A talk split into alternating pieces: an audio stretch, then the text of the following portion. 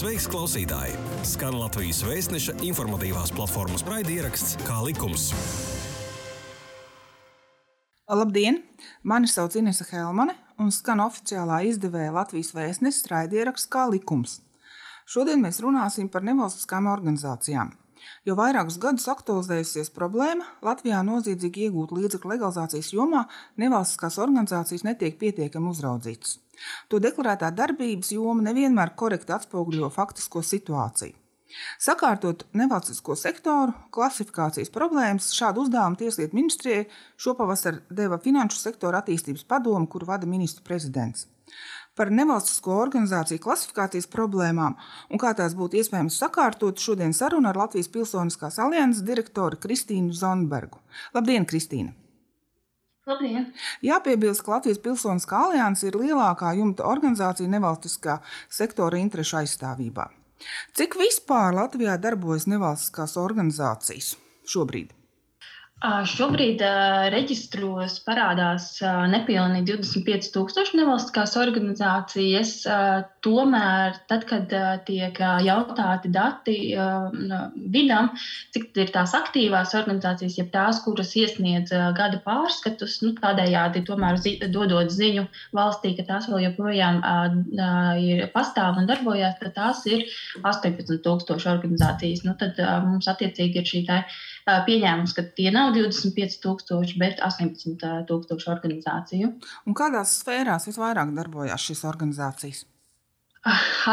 Jā, tā kā mums ir vēl joprojām šis nesakārtotais jautājums ar, ar šiem klasifikatoriem, tad viennozīmīga atbilde nevarētu tikt sniegta.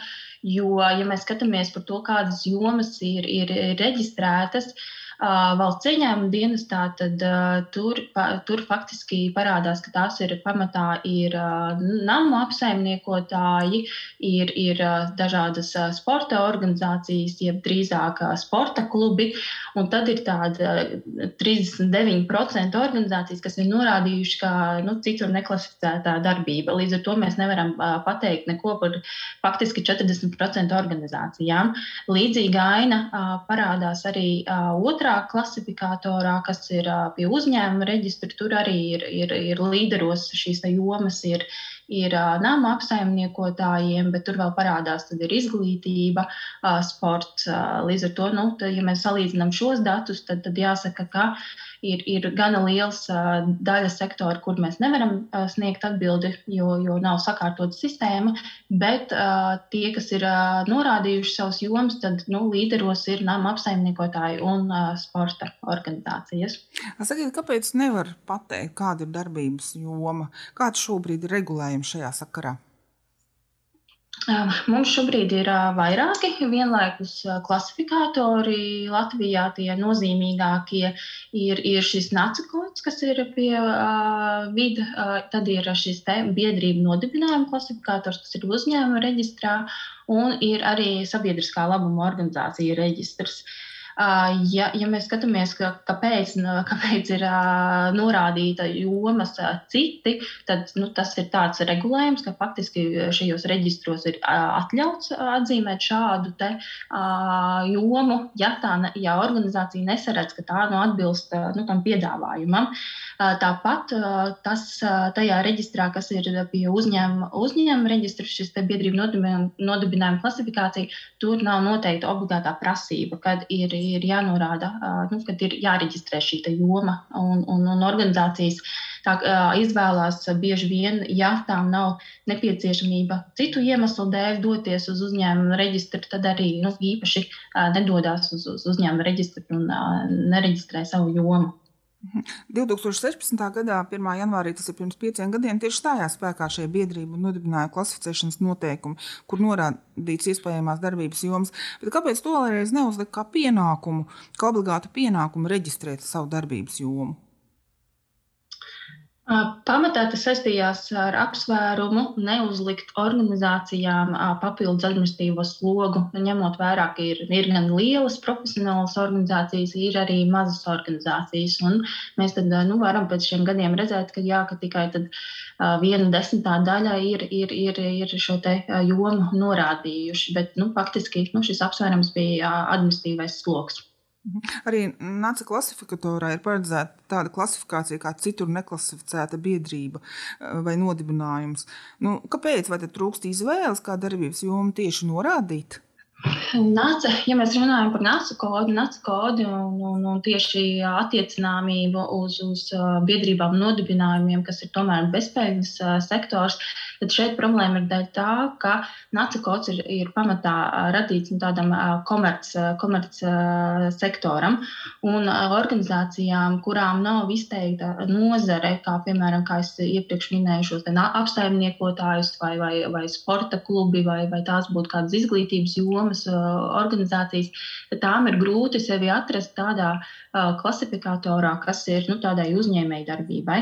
Un tāpēc ir, ir paredzēts šis citi, kur tad arī organizācijas, kā piemēram, kas darbojas vai nu cilvēktiesību jomā, vai, vai tā ir kāda pilsoniskās sabiedrības attīstības joma, tās izvēlās pamatā šo klasifikatoru, jo nu, tām faktiski nav tāda izteiktā saimnieciskā darbība, kā arī nu, nav nekāda komercdarbība. Un, ja mēs skatāmies arī tādu citu valstu piemēru, tas ir risināts, kā piemēram Igaunijā. Šis, šis klasifikators NACE kodi tiek paplašināti arī nu, uz tādu apakškodiem, kur tad arī bezpējas organizācijas spēja atrast sev attiecīgo jomu. Un sakiet, vai ir vēlams radīt jaunu klasifikatoru, pavisam citu, lai ieviestu kārtību nevalstisko organizāciju klasifikācijas noteikumos, ja pietiktu kaut ko pilnveidot ar esošajiem klasifikatoriem? Uh, ir, ir, ir iespējas dažādas. Šobrīd uh, arī nav uh, viennozīmīga atbilde, vai, vai tas, kas būs nākamie soļi, vai tas būs uzlabots esošais šis klasifikators, vai arī pavisam jaunu radīs. Bet ir skaidrs, ka ir jāpārskata esošais klasifikators, un, un, un tad ir tikai nu, tās jautājums, vai ņem pa, par pamatu esošo, vai, vai rada pavisam pa jaunu. Uh, Jo tas, ko, jo tas, ko mums arī pētījumā parādās, ir, ir tas, ka šis biedrību nodibinājumu klasifikators, lai vai cik tas tika radīts nu, tā specifiski tieši šim nevalstiskajam sektoram, tas īsti tomēr nav piemērojams, un vēl joprojām ir organizācijas, kas nespēj sev atrast šajā klasifikatorā, un kā arī ir, ir kļūdas tīri tādā reģistra aizpildīšanā, jo organizācijas nevis atzīmē uh, savu jomu, bet vairāk tādas metodes. Un te arī radās uh, šis neskaidrības, ar ko tā organizācija nodarbojās. Šis drīzāk ir tādā likumdevēja būs tad, uh, izvēle, kādā veidā risināt šo problēmu. Bet risinājumi, uh, kāds varētu izskatīties šis klasifikators, nu, no mūsu puses ir, ir dots. Un kāpēc ir svarīgi ieviest skaidrus klasifikācijas noteikumus nevalstisko organizāciju sektorā? Iemesli ir vairāki. Ja mēs eh, ir, ir sākot ar tādu, ar, ar tādu vispārēju uh, monitoringu uh, par to, kāds ir attīstības tendences sektorā, tad ir nepieciešams arī ir, ir jābūt padziļinātiem arī datiem par to, kā, kā, kā, kur īsti darbojas organizācijas, kādās nozarēs un tā skaitā arī reģionālā griezumā. Uh, Ja mēs skatāmies arī par tādu mērķtiecīgu atbalsta sistēmu biedrībām nodibinājumiem, tad arī ir nepieciešams šis te, skaidrāki dati par to, kam jau ir šobrīd atbalsts pietiekams, kam ir nepieciešams papildus atbalsts. Tas arī uh, parādījās šajā krīzes situācijā, kad īsti, uh, nu, tad, kad mums nebija dati par to, uh, gan pēc, pēc nacu kodiem vai pēc šīm jomām, nevarēja arī izmērīt par to, cik uh, liela uh, bija krīzes ietekme, ietekme uz dažādām organizācijām. Līdz ar to tas arī ir tāds nu, atbalsta sistēmas uh, rīks. Uh, Vēl ir, protams, ir, ir no tādas uzraudzības viedokļa, kas tad arī, uz ko ir vērsuši arī uzmanību finanšu izlūkošanas dienests, ka īsti ne, nerodās pārliecība vai skaidrība par to, ko konkrētās organizācijas nodarbojas. Tās nav norādījušas ne savu, ne savu jomu, vai arī tās ir norādījušas 11 jomas. Tas arī rada tādu aizdomīgumu. Un tāpat ir, ir kopumā par tādu politikas plānošanas procesu, ka, ka ir nepieciešami arī nu, tādi padziļināti dati, lai arī plānotu turpmākajiem gadiem šo politiku. Un svarīgi arī, ka nevalstiskās organizācijas saņem diezgan daudz līdzekļus. Tie gadā ir apmēram 500 miljoni eiro. Līdz ar to ir svarīgi, kā, kā, kādiem mērķiem un kas šos līdzekļus izlieto. Uh, jā, protams, tas arī palīdz skatīties no tādā, jā, ja ir, ja ir klasifikators. Uh, Tur, tur gan ir jāskatās, protams, arī kas ir par tiem, kādi ir finanšu avoti. To arī var redzēt pēc, pēc datiem. Jā, tie ir nepilni 500 miljoni gadā. Tomēr tur arī jau redzams savas tendences, kas, kas ir ietekmējuši citi iemesli, kā piemēram nodokļu reforma, kā ar gadiem vēl joprojām krītas ziedojuma apjomi, tāpat laikā pieaug šī saimnieciskā darbība. Līdz ar to, protams, tas, tas finansējuma apjoms ir tomēr uh, publiskais finansējums kā tāds samazinās uh, nevalstiskajām organizācijām. Un Finanšu izlūkošanas dienas arī bija savā ziņojumā norādījis, ka vajadzētu skaidrāk nodalīt skaidrs naudas saņemšanu no, no, no beskaidras naudas ziedojumiem. Jā, tas arī šobrīd nav skaidrs. Tad viss ir vienā katlā, visi tie līdz, saņemtie līdzekļi. Jā, viņi uh, nav skaidri nodalāmi, bet tas ir tas jautājums ne tik daudz saistīts ar, ar, jā, ar klasifikātoru, kā vairāk pārskatīt šīs gada pārskata veidlapas, ko mēs arī esam rosinājuši arī citā kontekstā pārskatīt un uzlabot, sākot jau ar to, ka tiem būtu jābūt digitāliem un, un, un otrkārt tur jā, jābūt šīm arī ailītēm, kas tad ir nepieciešams, jo šie ir tādi pārmetumi attiecībā uz nevalstisko sektoru, ka tās varbūt neuzrāda kādu informāciju, tomēr nu, nav iespējams uzrādīt tādu informāciju, to, ko nejautā, vai arī nav iespējams pētīt vai monitorēt tādus datus, kurus arī pati valsts nav, nav, nav arī paprasījusi un nav uzglabājusi. Līdz ar to mēs, mēs piekrītam, ka ir, ir jāpārskata šīs gada pārskata veidlapas, un, un ja ir konkrēti ierosinājumi, kā piemēram par šiem ziedojumu atšifrējumiem, tad nu, tas, tas arī būtu jālabo. Jo tieši mm, pateicoties finanšu izlūkošanas dienestam, pirms pāris gadiem notika nevalstisko sektoru audits, kurā um, finanšu izlūkošanas dienas arī iezīmē tās galvenās problēmas, bet tieši saistībā ar naudas atmazgāšanu un iespējamo terorismu finansēšanu. Un finanšu izlūkošanas dienas teica, ka parasti nevalstiskās organizācijas neveic tieši un un nepastarpinātu terorismu finansēšanu atbalstīšanu. Lielākoties šīs organizācijas ieņem tā kā starpnieka lomu, lai piesaistītu līdzekļus un vēlot, vēlāk tos novirzītu un slēpjot patiesos saņēmējus un izlietojumu mērķus. Ja? Tad cik liels uh, riskus jūs saskatāt nevalstisko organizāciju šādā necaurspīdīgā darbībā saistībā ar naudas atmazgāšanu?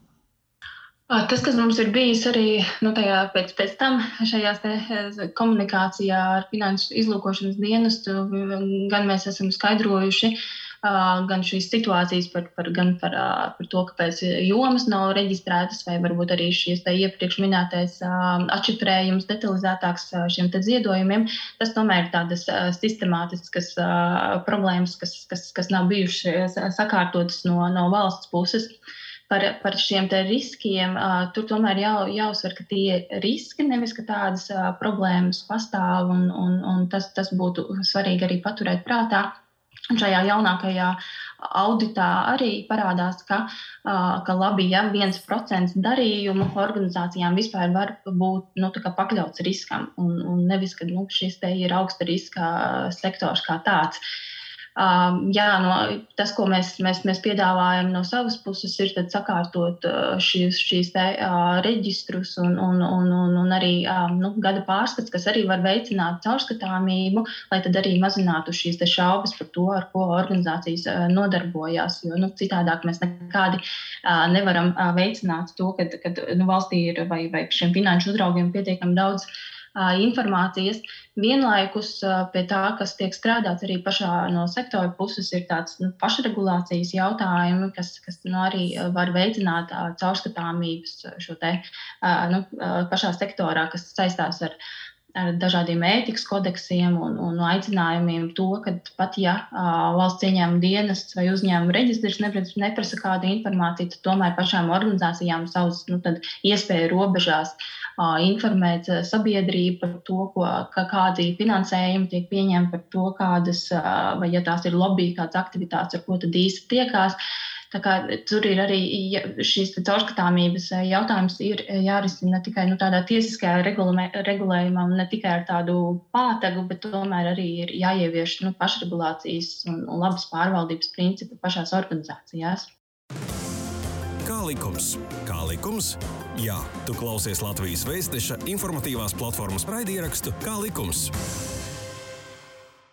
Nu, to, ka nevalstiskais sektors saprot savas problēmas, to liecina arī pirms kāda mēneša iznākušais providus pētījums tieši par, par nevalstiskā organizāciju klasifikācijas jautājumiem, kurā tika izteikti arī vairāki nevalstiskā organizācija priekšlikumi, kā padarīt uh, šo sektoru caurspīdīgāku.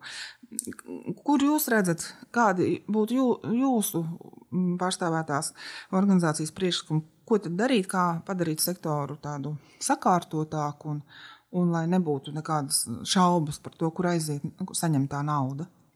Jā, šis pētījums arī uh, tika, tika veidots pēc, pēc uh, Latvijas Pilsoniskās alianses uh, pasūtījuma, saprotot to, ka nu, šis ir tas uh, mūsu arī iespēja kā no paša sektora nākt uh, pretī un, un, un, un izpētīt un aptaujāt organizācijas, kur tad ir problēma, kāpēc netiek reģistrētas šīs jomas vai, vai ja tiek reģistrēts, kāpēc tiek reģistrēts varbūt ne īpaši korekti. Un, uh, mums izveidojusies ir laba šī sadarbība ar Tieslietu ministru ministriju, kas arī nu, ņem par pamatu šo pētījumu rezultātu, lai arī rastu kādus risinājumus šim klasifikatoram, lai vairs nebūtu šādas problēmas, ka kāds nereģistrē vai nespēj sevi atrast. Tad šī būtu tā pirmā lieta, ar ko, ar ko būtu jāsāk, jo līdz tam brīdim, kamēr nebūs sakārtoti reģistri, arī nevarēs nu, tikt iegūta informācija tāda, kāda ir nepieciešama. Vai nu tas būtu uh, potenciālais šis donors, vai tas būtu sabiedrība, vai tas būtu finanšu uzraugs. Otrais, otrā lieta, kas, ko mēs arī bijām jau iepriekš rosinājuši, tagad tas arī ir aktualizējies, ir šī vienkāršotā likvidācija. Uh, Jo, kā pašā sākumā minēja, ka no 24, organ, 24 tūkstošu organizācijām 18 tūkstoši ir tikai tādas, kas iesniedz šos gadu pārskats, tad mēs varam secināt, ka ir gana liels skaits organizāciju, kas vairs nu, faktiski neeksistē, bet tās nav sevi likvidējušas. Jo tas process šobrīd ir ļoti smagnējs un, un, un, un organizācijām bieži vien ir vieglāk tad, nelikties neziņas. Un, un šeit arī ir no Tieslietu ministrijas apņemšanās, ka arī atvieglot šo procesu, kā likvidēt organizācijas. Uh, trešais punkts būtu arī, um, nu tad, uh, arī veidot tādas vienas pieturas aģentūru, ja mēs runājam par datu, uh, datu pieejamību.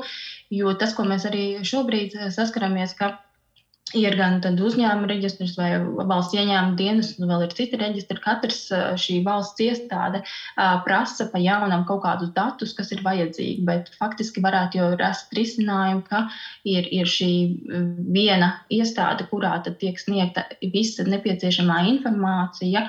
Un tad nu, šīs attie, katrā šī valsts iestāde, kurai ir vajadzīgs, kurai informācija arī varētu no šī vienotā reģistra arī iegūt. Kas vēl īpaši būs aktuālāk, jo šobrīd šobrīd saimā tiek arī lemts par šo lobija reģistru, kur arī būs šiem lēmumu pieņēmējiem vajadzīga kāda informācija par to, kādas ir organizācijas finanses vai, vai kas ir tie biedri. Tad mēs redzam, ka šeit arī ir iespēja vienu tādu aģentūru uztaisīt, kur tad arī būtu pieejama visa informācija. Un tad, tad būtiskais vēl jautājums ir par šiem gada pārskatiem, kad uzlabot gan no tādas uzraudzības viedokļa, ja reiz ir konstatēts, ka informācija nav pietiekami, nu, nav pietiekama, lai, lai, lai saprastu, ko tad īsti organizācija dara un kas ir šie finansējumi, gan ienākumi, gan izlietojums. Un otrā lieta, ko mēs redzam, kas būtu jāpapildina arī no tādas statistikas viedokļa, gan par šiem kā, cik ir biedri, cik ir brīvprātīgie un vēl citas nu, informācijas, kas ir vajadzīgas, lai saprastu ne tikai par to, cik mums ir organizācijas, bet cik vispār ir aktīva pilsoniskā sabiedrība Latvijā. Un, ja mēs šobrīd neapkopojam statistiku, tad arī nu, mēs nevaram datos balstīt par to, nu, kāda, kāda mums ir pilsoniskās sabiedrības attīstība. Un, un, un pēdējais jautājums ir, ir šī pašregulācijas jautājums sektorā, kur, kur arī nu, pašām organizācijām ir jāveicina savā starpā nu, šī labā pārvaldība, ētika, nu, lai, lai mazinātu vēl kādas šaubas nu, par, par to, par, par sektoru kopumā. Jūs minējāt tātad 4-5 punktus, kas būtu jāskārto, un arī, minē, un arī cik es zinu, tad Tieslietu ministrijai šāds uzdevums ir dots sakārtot šo, šo sektoru. Sakiet, kādā laika posmā tas varētu tikt izdarīts?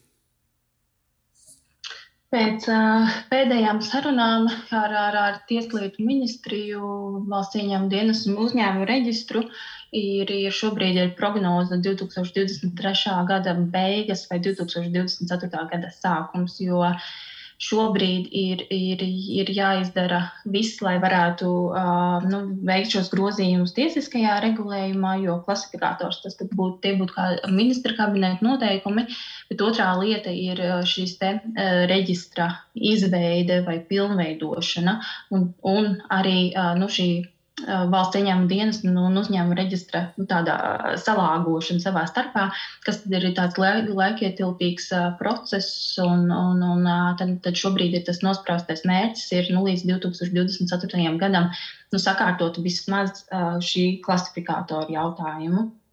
Jūs minējāt, nu, par to, ka nevalstiskās organizācijas atspoguļo, cik aktīva ir pilsoniskā sabiedrība. Tad es gribētu pajautāt, cik aktīva ir šī pilsoniskā sabiedrība Latvijā? Mums, jā, nu, nevalstisko organizāciju skaits ir viens no, viens no tādiem rādītājiem, cik aktīvi ir pilsoniskā sabiedrība, bet tomēr šeit ir jāņem vērā, un tas arī pētījumā parādās, nu, tas, ko, ko minēja, ka ir šie nama apsaimniekotāji, sporta klubi, tāpat ir tas, kas bija pārsteigums par to, ka kā biedrība ir arī šķīrēja tiesas, un vēl citi bija pārsteigumi, kas tad īsti ir šajā sektorā šobrīd ir reģistrēti tad ir grūti teikt, kas ir mums tāds ir, ir tāda patiesā pilsoniskā sabiedrība un, un tas, tas rādītājs, vai tomēr tās ir dažādas juridiskā, juridiskās personas, kuras, kas īsti varbūt neparāda nu, tādu pilsoniskumu kā tādu. Protams, ir, ir arī problēmas ar, ar, ar nu, tādām arī organizācijām, kas pēc būtības arī komersanti. Līdz ar to mums tas, tas aicinājums ir primāri skatīties, kas tad ir īsti šobrīd tajā pašā nevalstiskajā sektorā, šobrīd, nu, kas ir tie spēlētāji. Uh, Ja mēs skatāmies, jā, tad, tad tas būtu viens no rādītājiem - 25,000 organizāciju, bet paliek jautājums, cik no tām ir pēc, pēc būtības, kā biedrības nodibinājumi. Otrs rādītājs būtu, cik, cik ir biedri šajās organizācijās. Kā minēju, diemžēl šo gada pārskatos neuzrāda, to, to neprasa. Līdz ar to tas nav tā, šāda statistika Latvijā nav. Tomēr pēc, pēc pēdējiem pētījumiem ir, ir šis te, uh, aprēķins, ka tie varētu būt uh, 5% no iedzīvotājiem, kas ir uh, biedras organizācijās. Un, uh, būtu vēl rādītājs šis brīvprātī, brīvprātīgā darba veicējs, kam arī netiek šobrīd veikta uzskaita. Un, un, un līdz ar to šeit arī nevar uh, minēt kādus konkrētus ciparus, bet arī ir pēc pētījumu datiem, tad nu, tie ir aptuveni 9% iedzīvotāji, kas veic kādu brīvprātīgo darbu. Bet pēc vidējiem kaut kādiem Eiropas rādītājiem tas ir liels vai mazs skaitlis, tie 5% un 9%. Nu, tas ir mazs skaits. Mums ir, mums ir, mums ir ļoti maz, mazi rādītāji attiecībā uz tādu pilsonisko aktivitāti. Un, un tā problēma ir bijusi dēļ tā, ka nu, tas uzsvers ir līdz šim bijis tādā uh, pilsoniskās sabiedrības attīstības politikas plānošanā, likt uz to, cik viegli ir reģistrēt organizāciju, cik organizācijas mums ir, ne tik daudz cik uh, daudz uh, biedru vai brīvprātīgo ir šajās organizācijās. Un, un tam būtu nu, faktiski šobrīd arī jāmainās, kad uh, lielāks uzsvers būtu uz, uz šo nu, aktīvo iedzīvotāju, nevis uz nu, aktīvu organizāciju. Piemēram, man kolēģi ir vēsturnieku biedrībā. Viņi saka, interesanti, nu, ko es tur varētu darīt, ar ko es tur varētu nodarboties. Nu, tā būtu tā pilsoniskā sabiedrības aktivitāte. Būt, būt, būt biedram kādā nevalstiskajā organizācijā ir viens no, jā, no tādām pilsoniskajām aktivitātēm. Tas ir tikai tad attiecīgi, kādā jomā šī organizācija strādā. Tur arī tās aktivitātes, aktivitātes var, var arī nu, mainīties. Un, jā, tas var būt sākot no tuvējās apkaimes, uzkopšanas vai nu, šo tālāko organizēšanas vai, vai, vai, vai apkopot, ko tad iedzīvotājiem kādas kādas vēlmes, un beidzot ar to, ka tas var būt nu, jā, vai nu, tāds lobbyis saimā vai, vai, vai, vai, vai, vai pat Eiropas Savienībā, un arī varbūt nu, kāds nu, kā konkrētas nozares attīstības šī organizācija. Tā kā tās iespējas līdzdarboties organizācijās ir ļoti plašas, tikai nu, jāatrod pēc, pēc, savas, pēc savām interesēm. Bet vai nav tā, ka pat labi pārstrā ir ir tādas biedrības, kur tur viens vai vairāk cilvēki, un viņi kaut kā pārstāv tikai savas intereses nu, un ir dibināts konkrētam mērķim. Vai nav tā, nu, ka piemēram, viņas virza savas nu, valdībā, sājumā kaut kādus uh, savus likumprojektu grozījumus, savas intereses, bet patiesībā apvieno dažus cilvēkus, nevis pārstāv kaut kādu daļu no pilsoniskās sabiedrības? Nu šeit, šeit, nu jā, tas, tas šeit nav tādu datu, ka mēs, mēs varētu teikt, ka tā ir vai tā nav. Jo, kā minēju, mums netiek uzskaitīts šis te, biedru skaits. Pēdējo reizi, kad Latvijas Pilsoniskā alianse arī veica izpēti tieši par biedru skaitu, tas bija 2015. gads, kad mēs veicām aptauju. Tolaik mums parādījās, nu, ka tas vidējais skaits biedru ir 28. Un, uh, līdz ar to nu, tas, tas uh, visticamāk, tas ir nu, spriežams, vai tas ir daudz vai maz. Uh, nu, jā, bet tas, šo jautājumu arī uh, vēlas risināt arī šobrīd saimnes grupa, kas veido šo interešu pārstāvniecības atklātības regulējumu, kur tad arī, lai saprastu to, kad, kad organizācija, tad, kad pārstāv kādu viedokli, un, un kad tad arī tiek skaidri arī pateikts, nu, kādas intereses un cik plašas intereses šī organizācija arī, arī nu, pārstāv. Un, un te atkal būtu, mēs atkal atgriežamies pie šī gada pārskata veidlaps, kur tad arī šis informācijai būtu jāuzrāda, cik, ir, nu, cik, cik, cik ir biedri šai organizācijai. Un turklāt, vai nevajadzētu, piemēram, nama apsaimniekotāju biedrības vai kādas sporta biedrības, tomēr klasificēt mazliet savādāk, nevis kā biedrības, jo tie ir pavisam citi mērķi, kas nesasaucas ar to pilsoniskās sabiedrības aktivitātēm.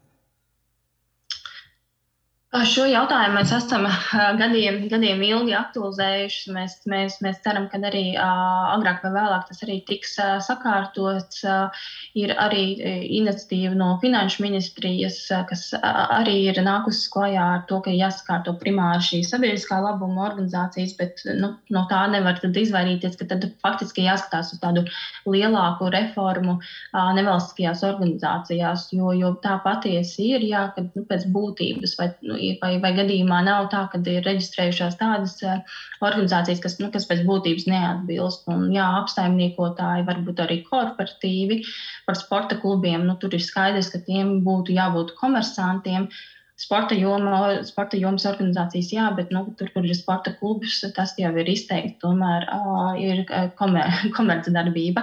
Tā arī var redzēt vēl, vēl citas uh, nu, šīs dažādas formas, kā piemēram šie publiskie nodibinājumi, pašvaldību biedrības, kas pēc būtības neatbilst uh, pilsoniskās sabiedrības nu, tādām aktivitātēm. Un, un, un mēs esam šo, te, šo jautājumu vēl aktualizējuši, ka ir nepieciešams sakārtot ne tikai klasifikātorus un, un kā likvidēt, bet arī faktiski arī par to, kas tad īsti ir Latvijā nevalstiskā organizācija un vai, vai šīm dažādajiem, nu, kas ir reģistrējušies, vai tiešām ir vieta šajā, šajā sektorā. Rezumējot sarunu par nevalstiskām organizācijām, sakiet, lūdzu, ko dos šī sektora sakārtošana? Kāds, kāds tad ir perspektīvas tai nevalstiskam sektoram? Ja mēs par, par, tieši par klasifikātoru runājam, tad ir atrisināti būtu šie dažādie jautājumi, kas saistās ar tādu uzraudzību, monitoringu, kā attīstās pilsoniskā sabiedrība. Tāpat kā nu, skatīties šos te un, un vērtēt un izveidot mērķtiecīgās atbalsta sistēmas tie, tieši pilsoniskai sabiedrībai. Uh, attiecībā par šo sakārtošanu mēs runājam par tiem, kas ne, neatbilst būtībai, kas ir biedrības nodibinājumi, tad izvairītos no tā, ka arī ir kādas šaubas par to, ka ir organizācijas, kas izmanto šo juridisko statusu, lai iespējams nemaksātu arī kādus nodokļus. Tas arī ir tāds reputācijas jautājums, un, un, un, un būtu arī ieinteresētība dažādiem finanšu, finanšu uzraugiem šo te sakārtot. Un, nu, jā, faktiski, nu, kā jebkurā sektorā ir nepieciešams skaidrs spēles noteikumi, arī, arī nevalstiskajās organizācijās tāds ir nepieciešams. Gribēju atgādināt, ka šodienas saruna notika par nevalstisko organizāciju klasifikācijas problēmām, un studijā bija Latvijas Pilsoniskās alianses direktore Kristīna Zonberga. Paldies, Kristīna, par sarunu! Jūs klausījāties raidierakstu kā likums. Šī bija iknedēļas pusstunda kopā ar oficiālā izdevēja Latvijas vēstneses informatīvās platformas raidierakstu Kā likums. Pastāsti citiem, ja bija noderīgi un interesanti. Kā likums, tiekamies ik trešdienu!